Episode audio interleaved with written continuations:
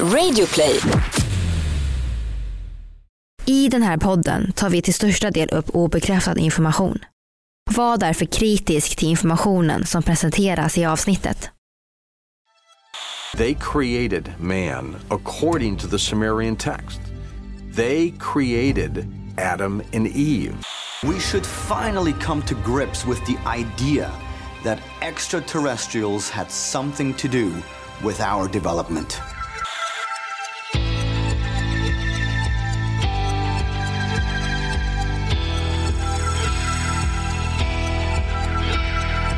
Du lyssnar på Konspirationsteorier. En podcast med mig Vivi. och mig Aida. Och det här är en annan sida av historien om Anunnaki, gudarna som kanske skapade oss.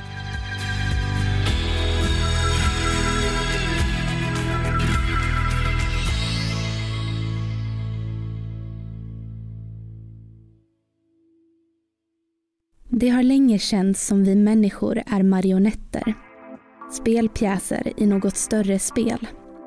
Att våra makthavare egentligen inte bestämmer utan snarare lyder order. Regering, riksdag, senat, president och demokrati är bara ord som saknar betydelse. Men vem det är som styr oss verkar konspirationsteoretiker vara oense om. Är det Illuminati, Bilderberggruppen, Rothschild, The Family, Rockefellers eller är det något annat hemligt sällskap? Ja, det vet vi inte riktigt än. Men det kan vara någon annan som drar i trådarna. Och en sak som många konspirationsteoretiker har kommit fram till är att det förmodligen inte räcker med ett hemligt sällskap som styr oss på jorden. Förmodligen finns det något ännu större, universalt sällskap som styr världen, universum. Och det ska vi prata om idag när vi ska diskutera en konspirationsteori om Anunnaki, gudarna som kanske skapade oss människor och kontrollerar oss. Det här är en podcast för dig som är intresserad av en annan version av verkligheten. En version som tar upp alternativa teorier, mystiska sammanträffanden och diskussioner om vad som kan vara sant.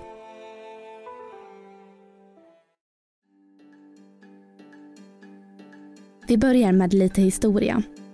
Många har ställt sig frågan, hur blev människan egentligen människa? Och svaret på den frågan är kanske inte så enkelt som vi lärt oss. I alla fall inte om vi frågar forskaren, författaren och upptäckaren Michael Tellinger. The first of all, you got to ask yourself, where did mankind suddenly appear from on this planet about 250 or 300,000 years ago? Because Homo sapiens can be traced back genetically through the, the mitochondrial DNA and chromosomal Adam. Um, scientists and geneticists have measured and calculated that the first Homo sapien walked the earth around 300,000 years ago, anything between 180 and 350,000 years ago. So the most common figure used is 250,000 years, that we suddenly popped up out of nowhere, and here we are. Enligt Michael Tellinger så finns det ett glapp mellan våra föregångare, Homo erectus, och Homo sapiens, även kallad människan. Efter detta glapp dök vi bara upp och det är faktiskt ganska underligt. Detta glapp benämns som den felande länken, som kortfattat var när apan gick från att vara apa till att bli människa. Trots att många forskare tycker att det är underligt att Homo sapiens kom direkt efter Homo erectus så är de överens om att det inte finns en felande länk. Men sen finns det andra, mer kontroversiella frågor och funderingar kring den felande länken. En av dem som menar att det faktiskt finns en felande länk som består av många olika steg mellan Homo erectus och Homo sapiens är Tellinger. Men vad är då den felande länken? Well, you know, unfortunately, they're not going to find that missing link because there is no missing link. The step between Homo erectus, which is our most recent predecessor, and Homo sapien is anything between 20 and 50 evolutionary steps. Where are those 20 and 50 different species that would have led up to Homo sapiens? Enligt Tellinger så saknas mellan 20 och 50 evolutionära steg. Alltså mellan 20 och 50 olika arter mellan Homo erectus och Homo sapiens. Det konstiga är att Homo erectus var den första gående arten och efter detta kom vi människor.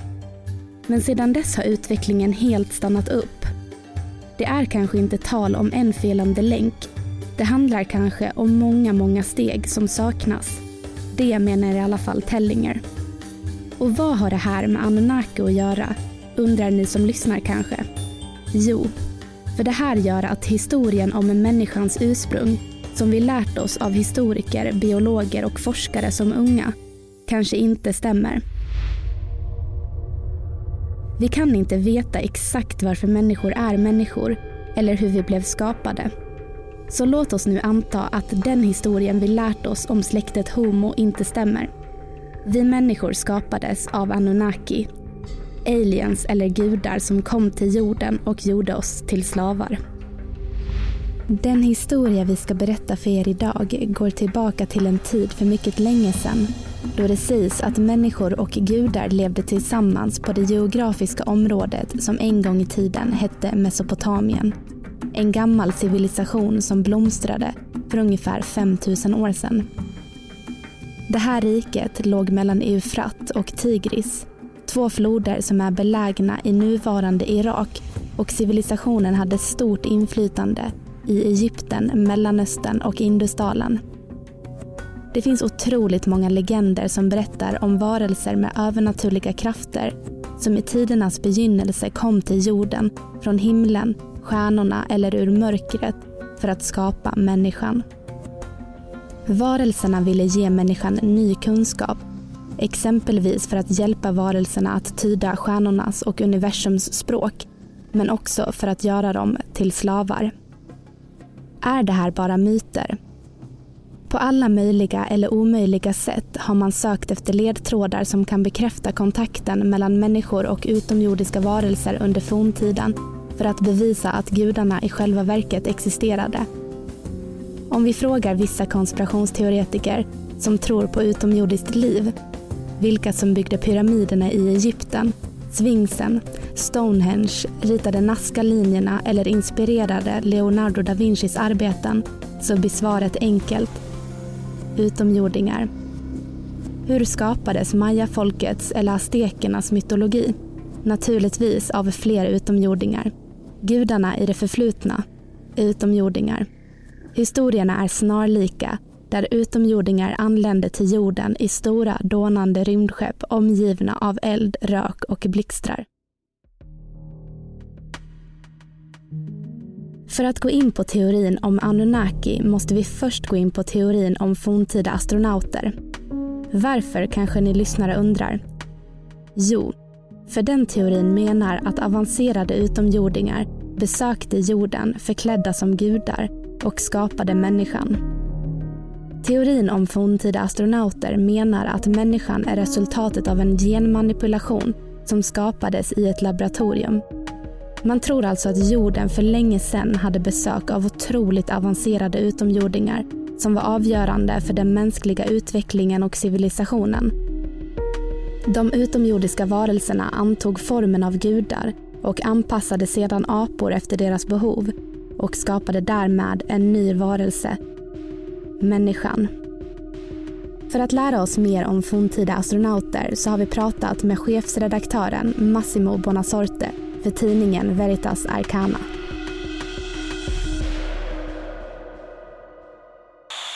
Hi, I am Massimo Bonasorte, director of the Swedish digital magazine Veritas Arcana. I am uh, Italian and I work as journalist since uh, 2001. I was born in Rome and uh, in Italy, where I lived and studied. My university degree is uh, a bachelor in ancient Near East studies mainly focused on uh, Mesopotamian culture and Semitic uh, epigraphy. As a journalist, I worked in Italy as editor in chief and director for many magazines about history and archaeology.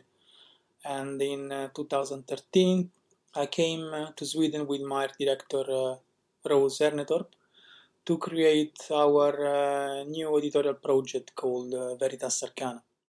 We can say that uh, Ancient Astronauts was used in a book called Flying Sources on the Moon in um, 1954 written by journalist and writer Harold T. Walkins. And after that, another writer, Morris uh, Jessup, used the same uh, expression in a book called uh, Chase of the UFO, and it was 1955.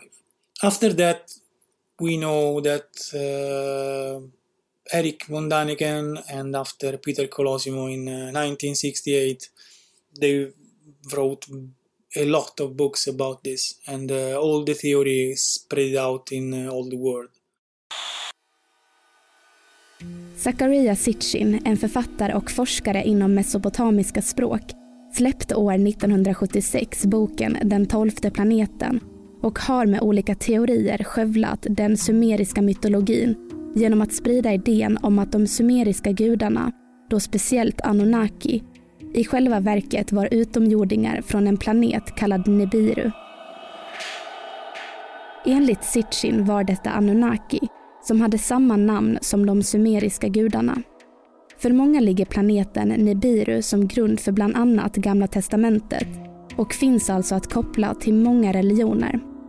Men för att komma tillbaka till Nibiru så tror många konspirationsteoretiker att det var och är utomjordingarna Anunnaki som finns på planeten. Forskare har faktiskt funnit bevis för att det kanske finns en planet X djupt i solsystemet som kretsar kring solen i en lång bana långt bortom Pluto. Men kan planet X vara densamma som Nibiru? Det finns många konspirationsteorier kring planet X och Nibiru som vi inte kommer gå djupare in på idag. Men flera konspirationsteoretiker anklagar NASA för att täcka bevisen för dess existens, vilket blir relevant i dagens avsnitt om det kanske är så att Anunnaki finns på just den planeten. Sitchin försöker med sina teorier om Anunnaki fylla olika kunskapsluckor på jakt efter Anunnaki-gudarnas egentliga natur och historia på jakt efter mer kunskap om rymdvarelser och en möjlig avancerad teknik i forntiden. Vi öppnar nu upp en värld där möjligheten finns att varelser från andra planeter besökte jorden en gång i tiden från den så kallade tolfte planeten där vi räknar in solen och månen i vårt eget solsystem.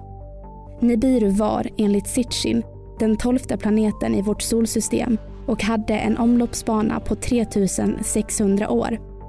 Många trodde bland annat att planeten Nibiru passerade jorden igen år 2012 och försökte koppla detta till Maya-kalenderns domedagsprofetior eftersom Nibirus återkomst kanske skulle innebära en katastrof och förödelse av allt liv på jorden som den potentiellt gjort tidigare i och med syndafloden som vi tar upp senare i avsnittet. Men det finns bara spekulationer Nibiru låg ungefär 500 000 år före oss i utvecklingen och hade mycket kunskap och teknik som vi inte hade eller har än idag.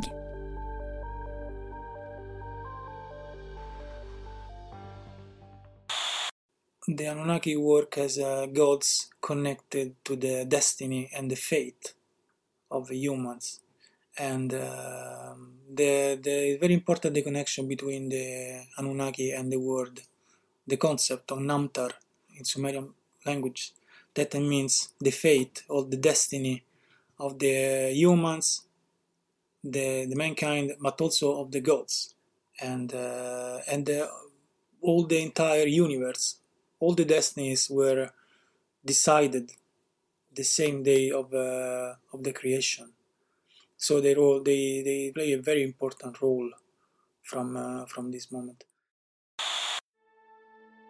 Sitchin skriver i sina böcker att invånarna på Nibiru reste till jorden för första gången för omkring 450 000 år sedan eftersom deras planet var döende då atmosfären höll på att försvinna. Därför kom de till vår planet för att upprätta en rad kolonier för gruvdrift och utvinning av mineraler, speciellt guld, som behövdes för att återställa Nibirus atmosfär. De hade miljöproblem och guldet fanns i Afrika. Ledaren över Nibiru, även kallad himmelsguden Anu, hade två söner, Enki och en Lill. I ledningen för jordenuppdraget fanns Enki och en Lill. Enki stannade i Mesopotamien för att grunda staden Eridu medan Enlil skickades till Afrika på jakt efter guldgruvor. Vissa författare och teoretiker menar faktiskt att Enki är den gud som står beskriven i Bibeln. Den kärleksfulle och den som vi ber till i våra kyrkor. De första mesopotamiska städerna var, enligt författaren Sitchin, inget annat än utposter av utomjordingar från Nibiru. Men vid något tillfälle, efter flera hundratusen år, rådde det dåliga arbetsförhållanden i gruvorna vilket gjorde att arbetarna från Nibiru gjorde uppror. Det tvingade Enki att skapa en ny varelse som kunde fortsätta arbetet i gruvorna i Anunnakis ställe. We know that DGG went to the, the god Enki and say we need to, to stop this work because it's not possible to, to work anymore like that. So Enki agreed and uh, and they decide to create a new a new creatures. And this is very interesting because they decide the Anunnaki decide to kill one god. That name was uh, We.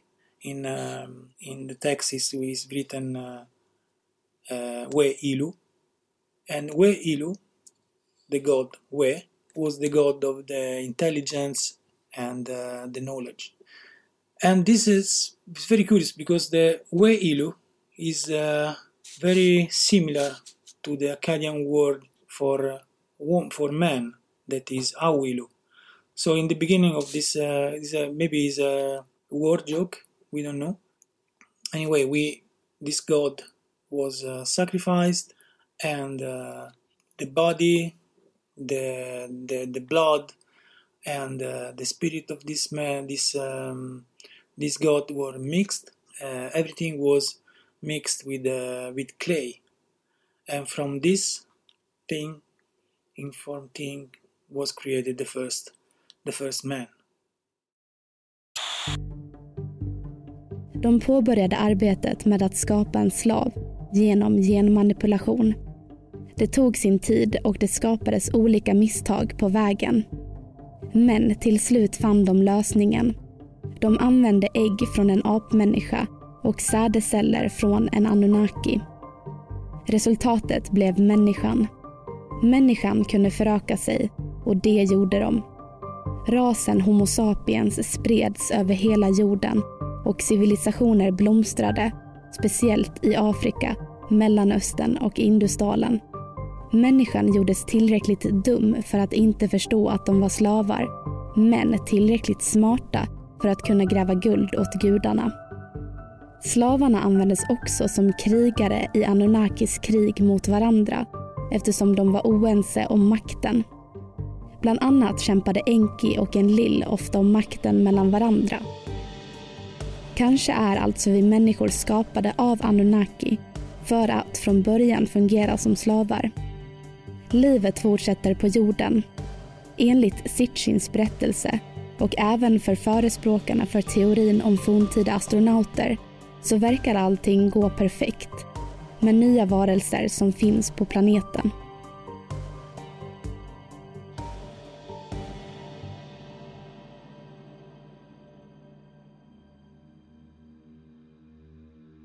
Men plötsligt insåg Anunnaki att de behövde lämna jorden av många olika anledningar. Bland annat var Nibiru återigen på väg att närma sig jorden efter sin 3600 års långa omloppsbana. Människorna skapade också problem för Anunnaki och var svåra att kontrollera. Det enda sättet var att utplåna den nya rasen och låta den helt gå under. Sitchin menar att eftersom alla Anunnaki var medvetna om att Nibirus återkomst skulle innebära en katastrof och förödelse av allt liv på jorden så lämnade de Nibiru hade kanske en sån påverkan på vår planet att gravitationen påverkades vilket gjorde att en stor våg skulle skörda allt liv på jorden. Så Anunnaki bestämde sig för att lämna jorden utan att förvarna människorna. Men de hade även tröttnat på överbefolkningen och att mänskligheten skapade problem för dem. Återigen ingrep Enki som såg människan som sin skapelse och varnade dem Framförallt Noa eller Susudra som enligt sumerisk mytologi var han som räddade mänskligheten och överlevde den stora översvämningen. Enki valde alltså en liten grupp av mänskliga exemplar som skulle räddas innan den stora syndafloden förstörde hela den dåvarande världen. De utvalda tillhörde Noas, eller Susudras familj, för vilken han berättade att de skulle bygga en stor ark för att rädda så många livsformer som möjligt. När vattnet slutligen drog sig tillbaka återvände Anunnaki till jorden och beviljade de överlevande människorna deras kunskaper och teknik tillbaka. Enki var glad över det här och även Enlil kunde vara glad för att människan fanns kvar. Anunnaki tros ha stannat kvar på jorden fram tills för ungefär 6000 år sedan. Däremot finns det andra som faktiskt tror att Anunnaki aldrig lämnade. Anunnaki fortsatte att undervisa människor i bland annat matematik och astronomi, astrologi, odling och mycket mer. Framför allt för att de skulle kunna hjälpa Anunnaki att hålla ett öga på Nibiru. Och det sägs faktiskt att det var den här gruppen människor som idag kallas sumerer, alltså världens äldsta kända civilisation som låg i Mesopotamien. Sitchin berättar sedan om flera strider mellan olika Anunnaki om makten på planeten jorden då de tog hjälp av mänskliga arméer. Girigheten över makten av en Anunnaki gjorde till sist att ett fruktansvärt kärnvapenkrig utbröt som verkar vara grunden för Bibelns berättelse om förödelsen av de två städerna Sodom och Gomorra. Efter den här katastrofala händelsen lämnade Anunnaki jorden för gott i sina rymdskepp. Och här delas återigen berättelsen mellan de som tror att Anunnaki aldrig återvände och de som istället är övertygade om att små grupper Anunnaki blev kvar på jorden i form av reptilvarelser. Något som bland annat författaren David Ike tror. Det är de här varelserna som enligt Ike ligger till grund för de viktigaste familjerna som bestämmer världsordningens öde familjerna som vi inledde dagens avsnitt med. Illuminati, Bilderberggruppen, Rothschild, The Family, Rockefeller eller något annat hemligt sällskap som kanske tar order från reptilerna, som kanske är Anunnaki. I utflykten till den mesopotamiska mytologins värld har vi försökt ge er en inledande information för att förstå vilka Anunnaki-gudarna var. Vilka var de? Var kom de ifrån och hur interagerade de med den mänskliga världen? Fantasin har inga gränser. Men vad är sant i den här berättelsen om Anunnaki och vad baserar Sitchin sina teorier på? Det kan faktiskt vara så att berättelsen om Anunnaki kanske har uppfunnits eller blivit inspirerad av den bibliska berättelsen om Nefilim, de fallna änglarna som förenade sig med människans döttrar och orsakade Guds vrede. Eller så kanske det är tvärtom. Att de bibliska berättelserna om Nefilim, de fallna änglarna, bara är människors tolkningar av när Anunnaki besökte jorden. Det är därför dessa bibliska berättelser blir så viktiga eftersom vi kanske kan koppla texter som skrevs för många hundra år sedan till Anunnaki.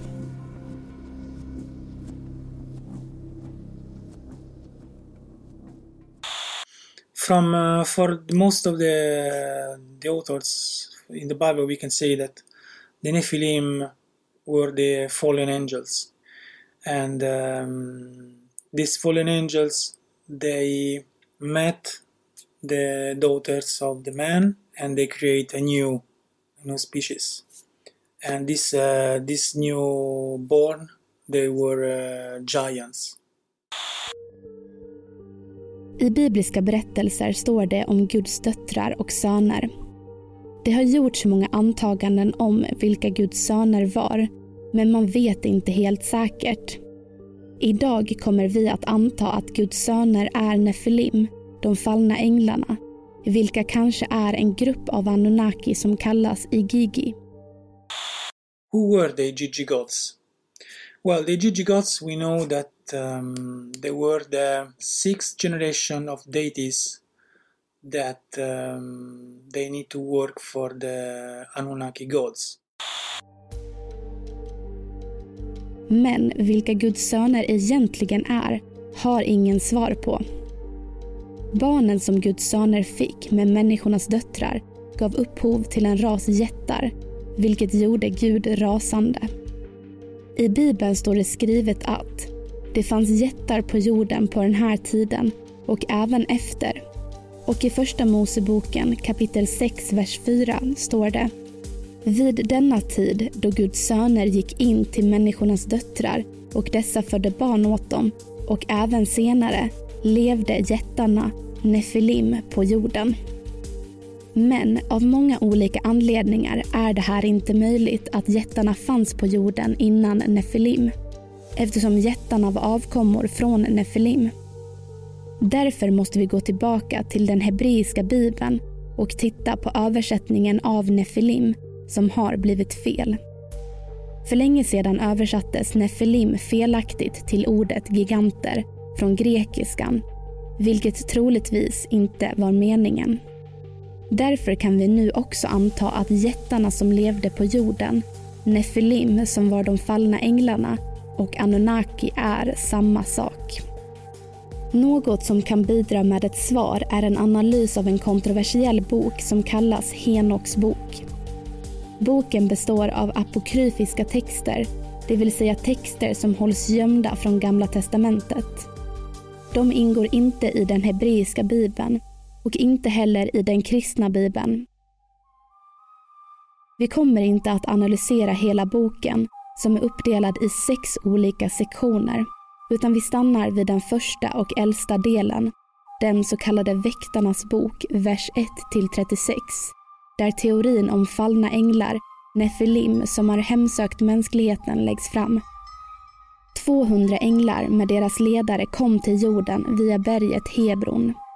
De förenade sig med människornas döttrar och genererade gigantiska varelser, 135 meter långa. Men om dessa varelser inte var jättar kan de vara någon form av utomjordisk varelse. För att förtydliga, Nefilim är kanske den grupp av Anunnaki som kom till jorden. Enligt författaren Sitchin skulle Nefilim identifieras med en grupp Anunnaki som kallas Igigi. Enligt Sitchin var skapelsen av hela den mänskliga rasen ett påfund av Anunnaki, gudarna från himlen som kom ner på jorden. De var en kategori överordnade gudar. De urskilde sig från Igigi som var de mindre gudarna som historiskt sett har blivit förväxlade med varandra.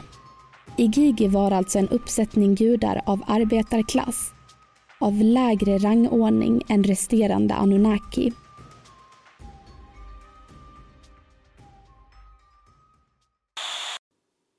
But why? Sitchin based this theory of a very smart translation of, uh, of Nephilim because uh, in the book of Enoch, the the angels sent to the earth to watch the humans. They are called watchers. So that means they are watching the, the humans. And in uh, Mesopotamian and Anunnaki mythology, we have the same the same kind of a word connected to the to the Anunnaki. Because in the mythology, Sumerian mythology, the Anunnaki at some points that were a specific group of gods. They not only one part of the gods, but they have with the same name also different kind of gods. They were called Ijiji, that in uh, Akkadian language means the watchers. De fallna änglarna lärde människorna, som fortfarande var primitiva, allt som behövde för att initiera det vi kallar en civilisation. I synnerhet lärde Azazel männen att göra vapen. Allt från svärd, knivar, sköldar till rustningar. Och kvinnorna att göra armband, ornament, färgämnen och allt de behövde för att smycka sig. Amisarak lärde dem att skära växter och rötter medan Armaros lärde ut magi och trollformler. Barakal och Temel instruerade astrologer Kobabel lärde ut kunskapen att känna igen stjärnorna på himlen och Asradel lärde ut månens cykel och kalender. Under tiden hade jättarna, eller Nefilim, blivit våldliga och farliga för mänskligheten. De åt allt som producerades av människorna och började sedan också äta människorna. De andra änglarna hade stannat kvar i himlen och ogillade det som hände. Deras ledare, Mikael, Gabriel, Uriel och Suriel gick till Gud och anklagade Azazel för att ha lärt människorna de hemligheter som görs och skapas i himlen. Gud beordrade då Suriel att fängsla Azazel, som i populärkultur benämns som djävulens son, i mörkret och under jorden fram till domedagen, för att det var han som förenade sig med människornas döttrar och gav upphov till de fruktansvärda varelserna Nefilim. I bibliska sammanhang nämns Nefilim ännu en gång i jubileerboken i kapitel 7, vers 21-25 där det står skrivet att Gud sände syndafloden för att göra sig av med Nefilim. Alltså kanske det var så att guden över Anunnaki, himmelsguden Anu, ville göra sig av med igigi för att de bland annat lärt människorna de hemligheter som görs och skapas i himlen. Vi vet att Mesopotamien var världens första högkultur där människorna brukade jorden, bytte varor och samarbetade. I Mesopotamien fanns även flera av forntidens största städer, bland annat Babylon. Vi vet att människorna som bodde i Mesopotamien utvecklade kunskaper inom matematik och astronomi och kunde lösa svåra problem. Men kan det vara så att det var de fallna änglarna som faktiskt lärde ut kunskaperna? Kan de fallna änglarna vara Anunnaki? Som vi nämnde tidigare i avsnittet så menar författaren Sitchin att Anunnaki lärde ut kunskaper till människorna för att de behövde hjälp att tyda rymden och förstå Nibiru. Den mesopotamiska mytologin är väldigt omfattande. Det finns några otroliga teorier som kanske är baserade på fantasi mer än arkeologi eller lingvistik. Men idag har ni fått en tolkning på vilka Anunnaki kanske var. Nu är det upp till dig. Vilka är Anunnaki?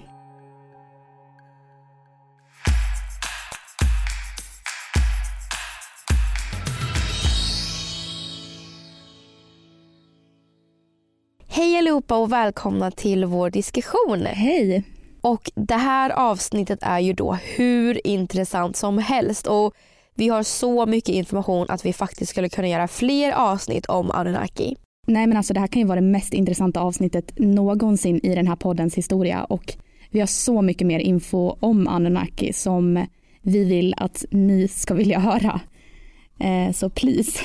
Ja, så om ni tyckte om det här avsnittet och vill veta ännu mer om Anunnaki så har vi jättemycket mer information och skriv gärna till oss så kanske vi ja, men gör ett till avsnitt om just dem.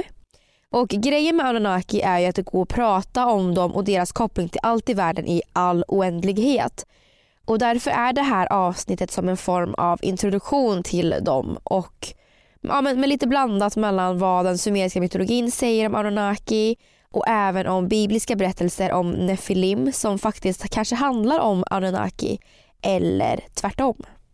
Ja, alltså precis så är det ju att eh, det kan ju faktiskt vara så att de här bibliska berättelserna som finns om Nefilim kanske är eh, människornas uppfattning om när Anunnaki besökte jorden och att man sen skrev de här berättelserna om Anunnaki fast man visste inte vad de kallades.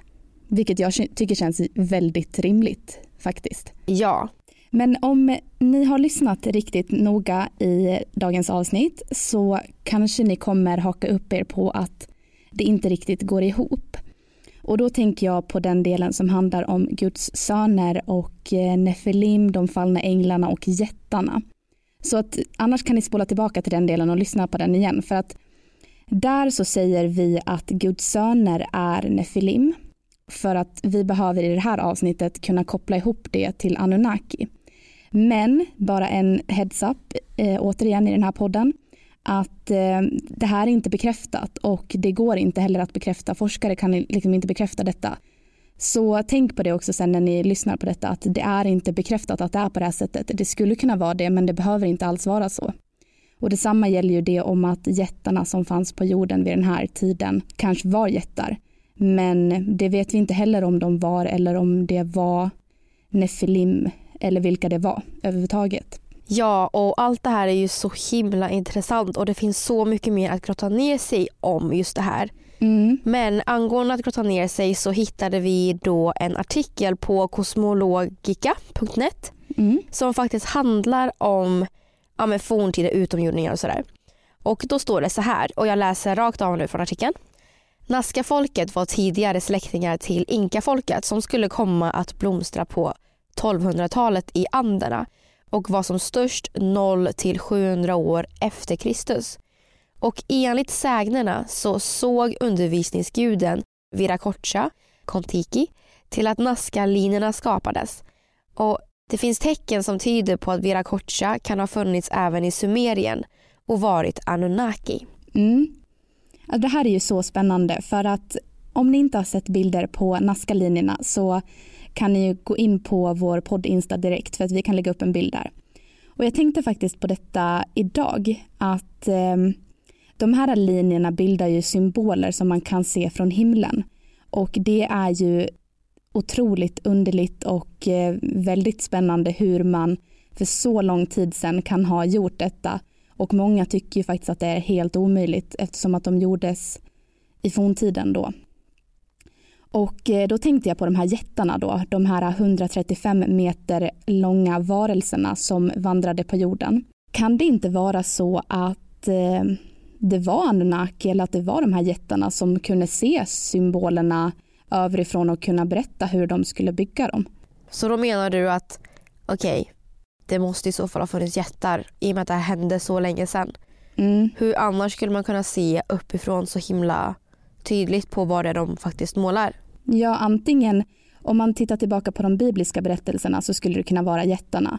Går vi tillbaka till den sumeriska mytologin och teorierna om forntida astronauter och Anunnaki så kan man ju tänka att det kanske var Anunnaki som faktiskt tittade ner uppifrån, alltså från himlen eh, ner på jorden och visste hur de här skulle byggas. Eller att de med sin kunskap och teknik och erfarenhet om rymden och sånt där eh, gav den informationen till människorna så att de klarade av att bygga detta underverk. Ja, okej. Och om vi ändå tar och pratar om gudar, skulle du säga att du tror att den hebreiska bibeln faktiskt är inspirerad av Anunnaki? Ja, alltså jag tror nog faktiskt det. För jag är väldigt öppen till att Anunnaki besökte jorden eh, för så många hundratusen år sedan. Och då så, så känns det väldigt rimligt att man skriver berättelser om Anunnaki som man sedan byter, alltså när det blir att det blir sägner om det så byts det namn och istället för att man kallar det för alien så kallar man det för fallna änglar och nefilim och att det var jättar men i själva verket så kanske det är utomjordiska varelser som man, som man pratar om. Mm. Så att jag, ja, jag tror faktiskt det. Ja, okej, men skulle du säga att du tror på Anunnaki eller inte? Du som är så insatt, du har ju läst så himla mycket om det här och du vet ju mycket, mycket mer än vad vi har berättat i det här avsnittet. Så skulle du säga att du tror på Anunnaki eller inte baserat på all den information du har tillgång till om det här? Jag tror absolut på Anunnaki. Eh, och vi, i det här avsnittet så har vi gett en liten sneak peek på att Anunnaki faktiskt kan vara reptilerna som också styr de här hemliga sällskapen som vi har pratat om innan, alltså bland annat Illuminati. Så att jag tror absolut att det inte är så lätt som vi lever våra liv nu. Absolut att regeringarna tar eh, order och riktlinjer från reptilerna som är Anunnaki. Och de, det kanske är eh, Igigi till exempel som är reptilerna och att Igigi tar order från Anuna som är en annan grupp av Anunnaki som sedan tar order från kanske himmelsguden Anu. Alltså, jag tror verkligen att det finns så många steg i den här hierarkin som vi inte har någon aning om egentligen. Oj, ja det är så himla intressant att, att du vet så himla mycket om det här och Aida har ju då varit i väldigt eh, nära kontakt med Massimo och de båda har ju då pratat om det här med Anunnaki och han har hjälpt oss jättemycket med det här avsnittet också så väldigt mycket cred till honom. Mm. Och det är bara så himla intressant att höra vad du tycker och vad du tror för som ni har märkt så har ju Aida läst hela det här avsnittet. Hon har också skrivit avsnittet med hjälp av Massimo. För att jag känner att jag är inte tillräckligt insatt i det här. Nej. Men om ni vill höra mer om Aronaki så får ni jättegärna skriva till oss för det finns så mycket mer om det. Ja. Och det här är ju då säsongens sista avsnitt och Mm. vi kan hälsa er allihopa att vi kommer att komma tillbaka igen med en ny säsong. Ja. Och då kommer det ju då bli säsong fyra som kommer komma i början av nästa år. Mm. Så ni kan skicka in era teorier på podcaster så hittar vi dem där superlätt. Yes. Och som sagt, vill ni höra mer om Anunnaki, skriv till oss, skriv på podcaster så ska vi titta mer på det. Ja, och kom också ihåg att vi har sociala medier. Konspirationsteorier heter vi på Facebook och Världens konspirationsteorier på Insta. Och glöm inte att gå med i konspirationsteorier eftersnack på Facebook för att där diskuterar vi en massa och där kan man skicka in sina egna teorier och diskutera med andra så, så att eh, klicka in där. Ja, och som ni har märkt så har avsnittet kommit ut på en lördag istället för Mm. att vi har haft så himla fullt upp både jag och Aida med, med julstress på jobbet och massa, ja men vi har helt enkelt inte hunnit. Mm. Men vi har jobb, såklart jobbat så mycket som vi kan och så fort som vi kan men vi vill inte göra ett dåligt jobb såklart. Vi vill ju inte släppa någonting som vi inte är stolta över. Nej. Så därav kommer nu ut senare. Men ni får ha det så bra så hörs vi nästa år och god jul och gott nytt år på er. Ja, det gör vi. Hej då!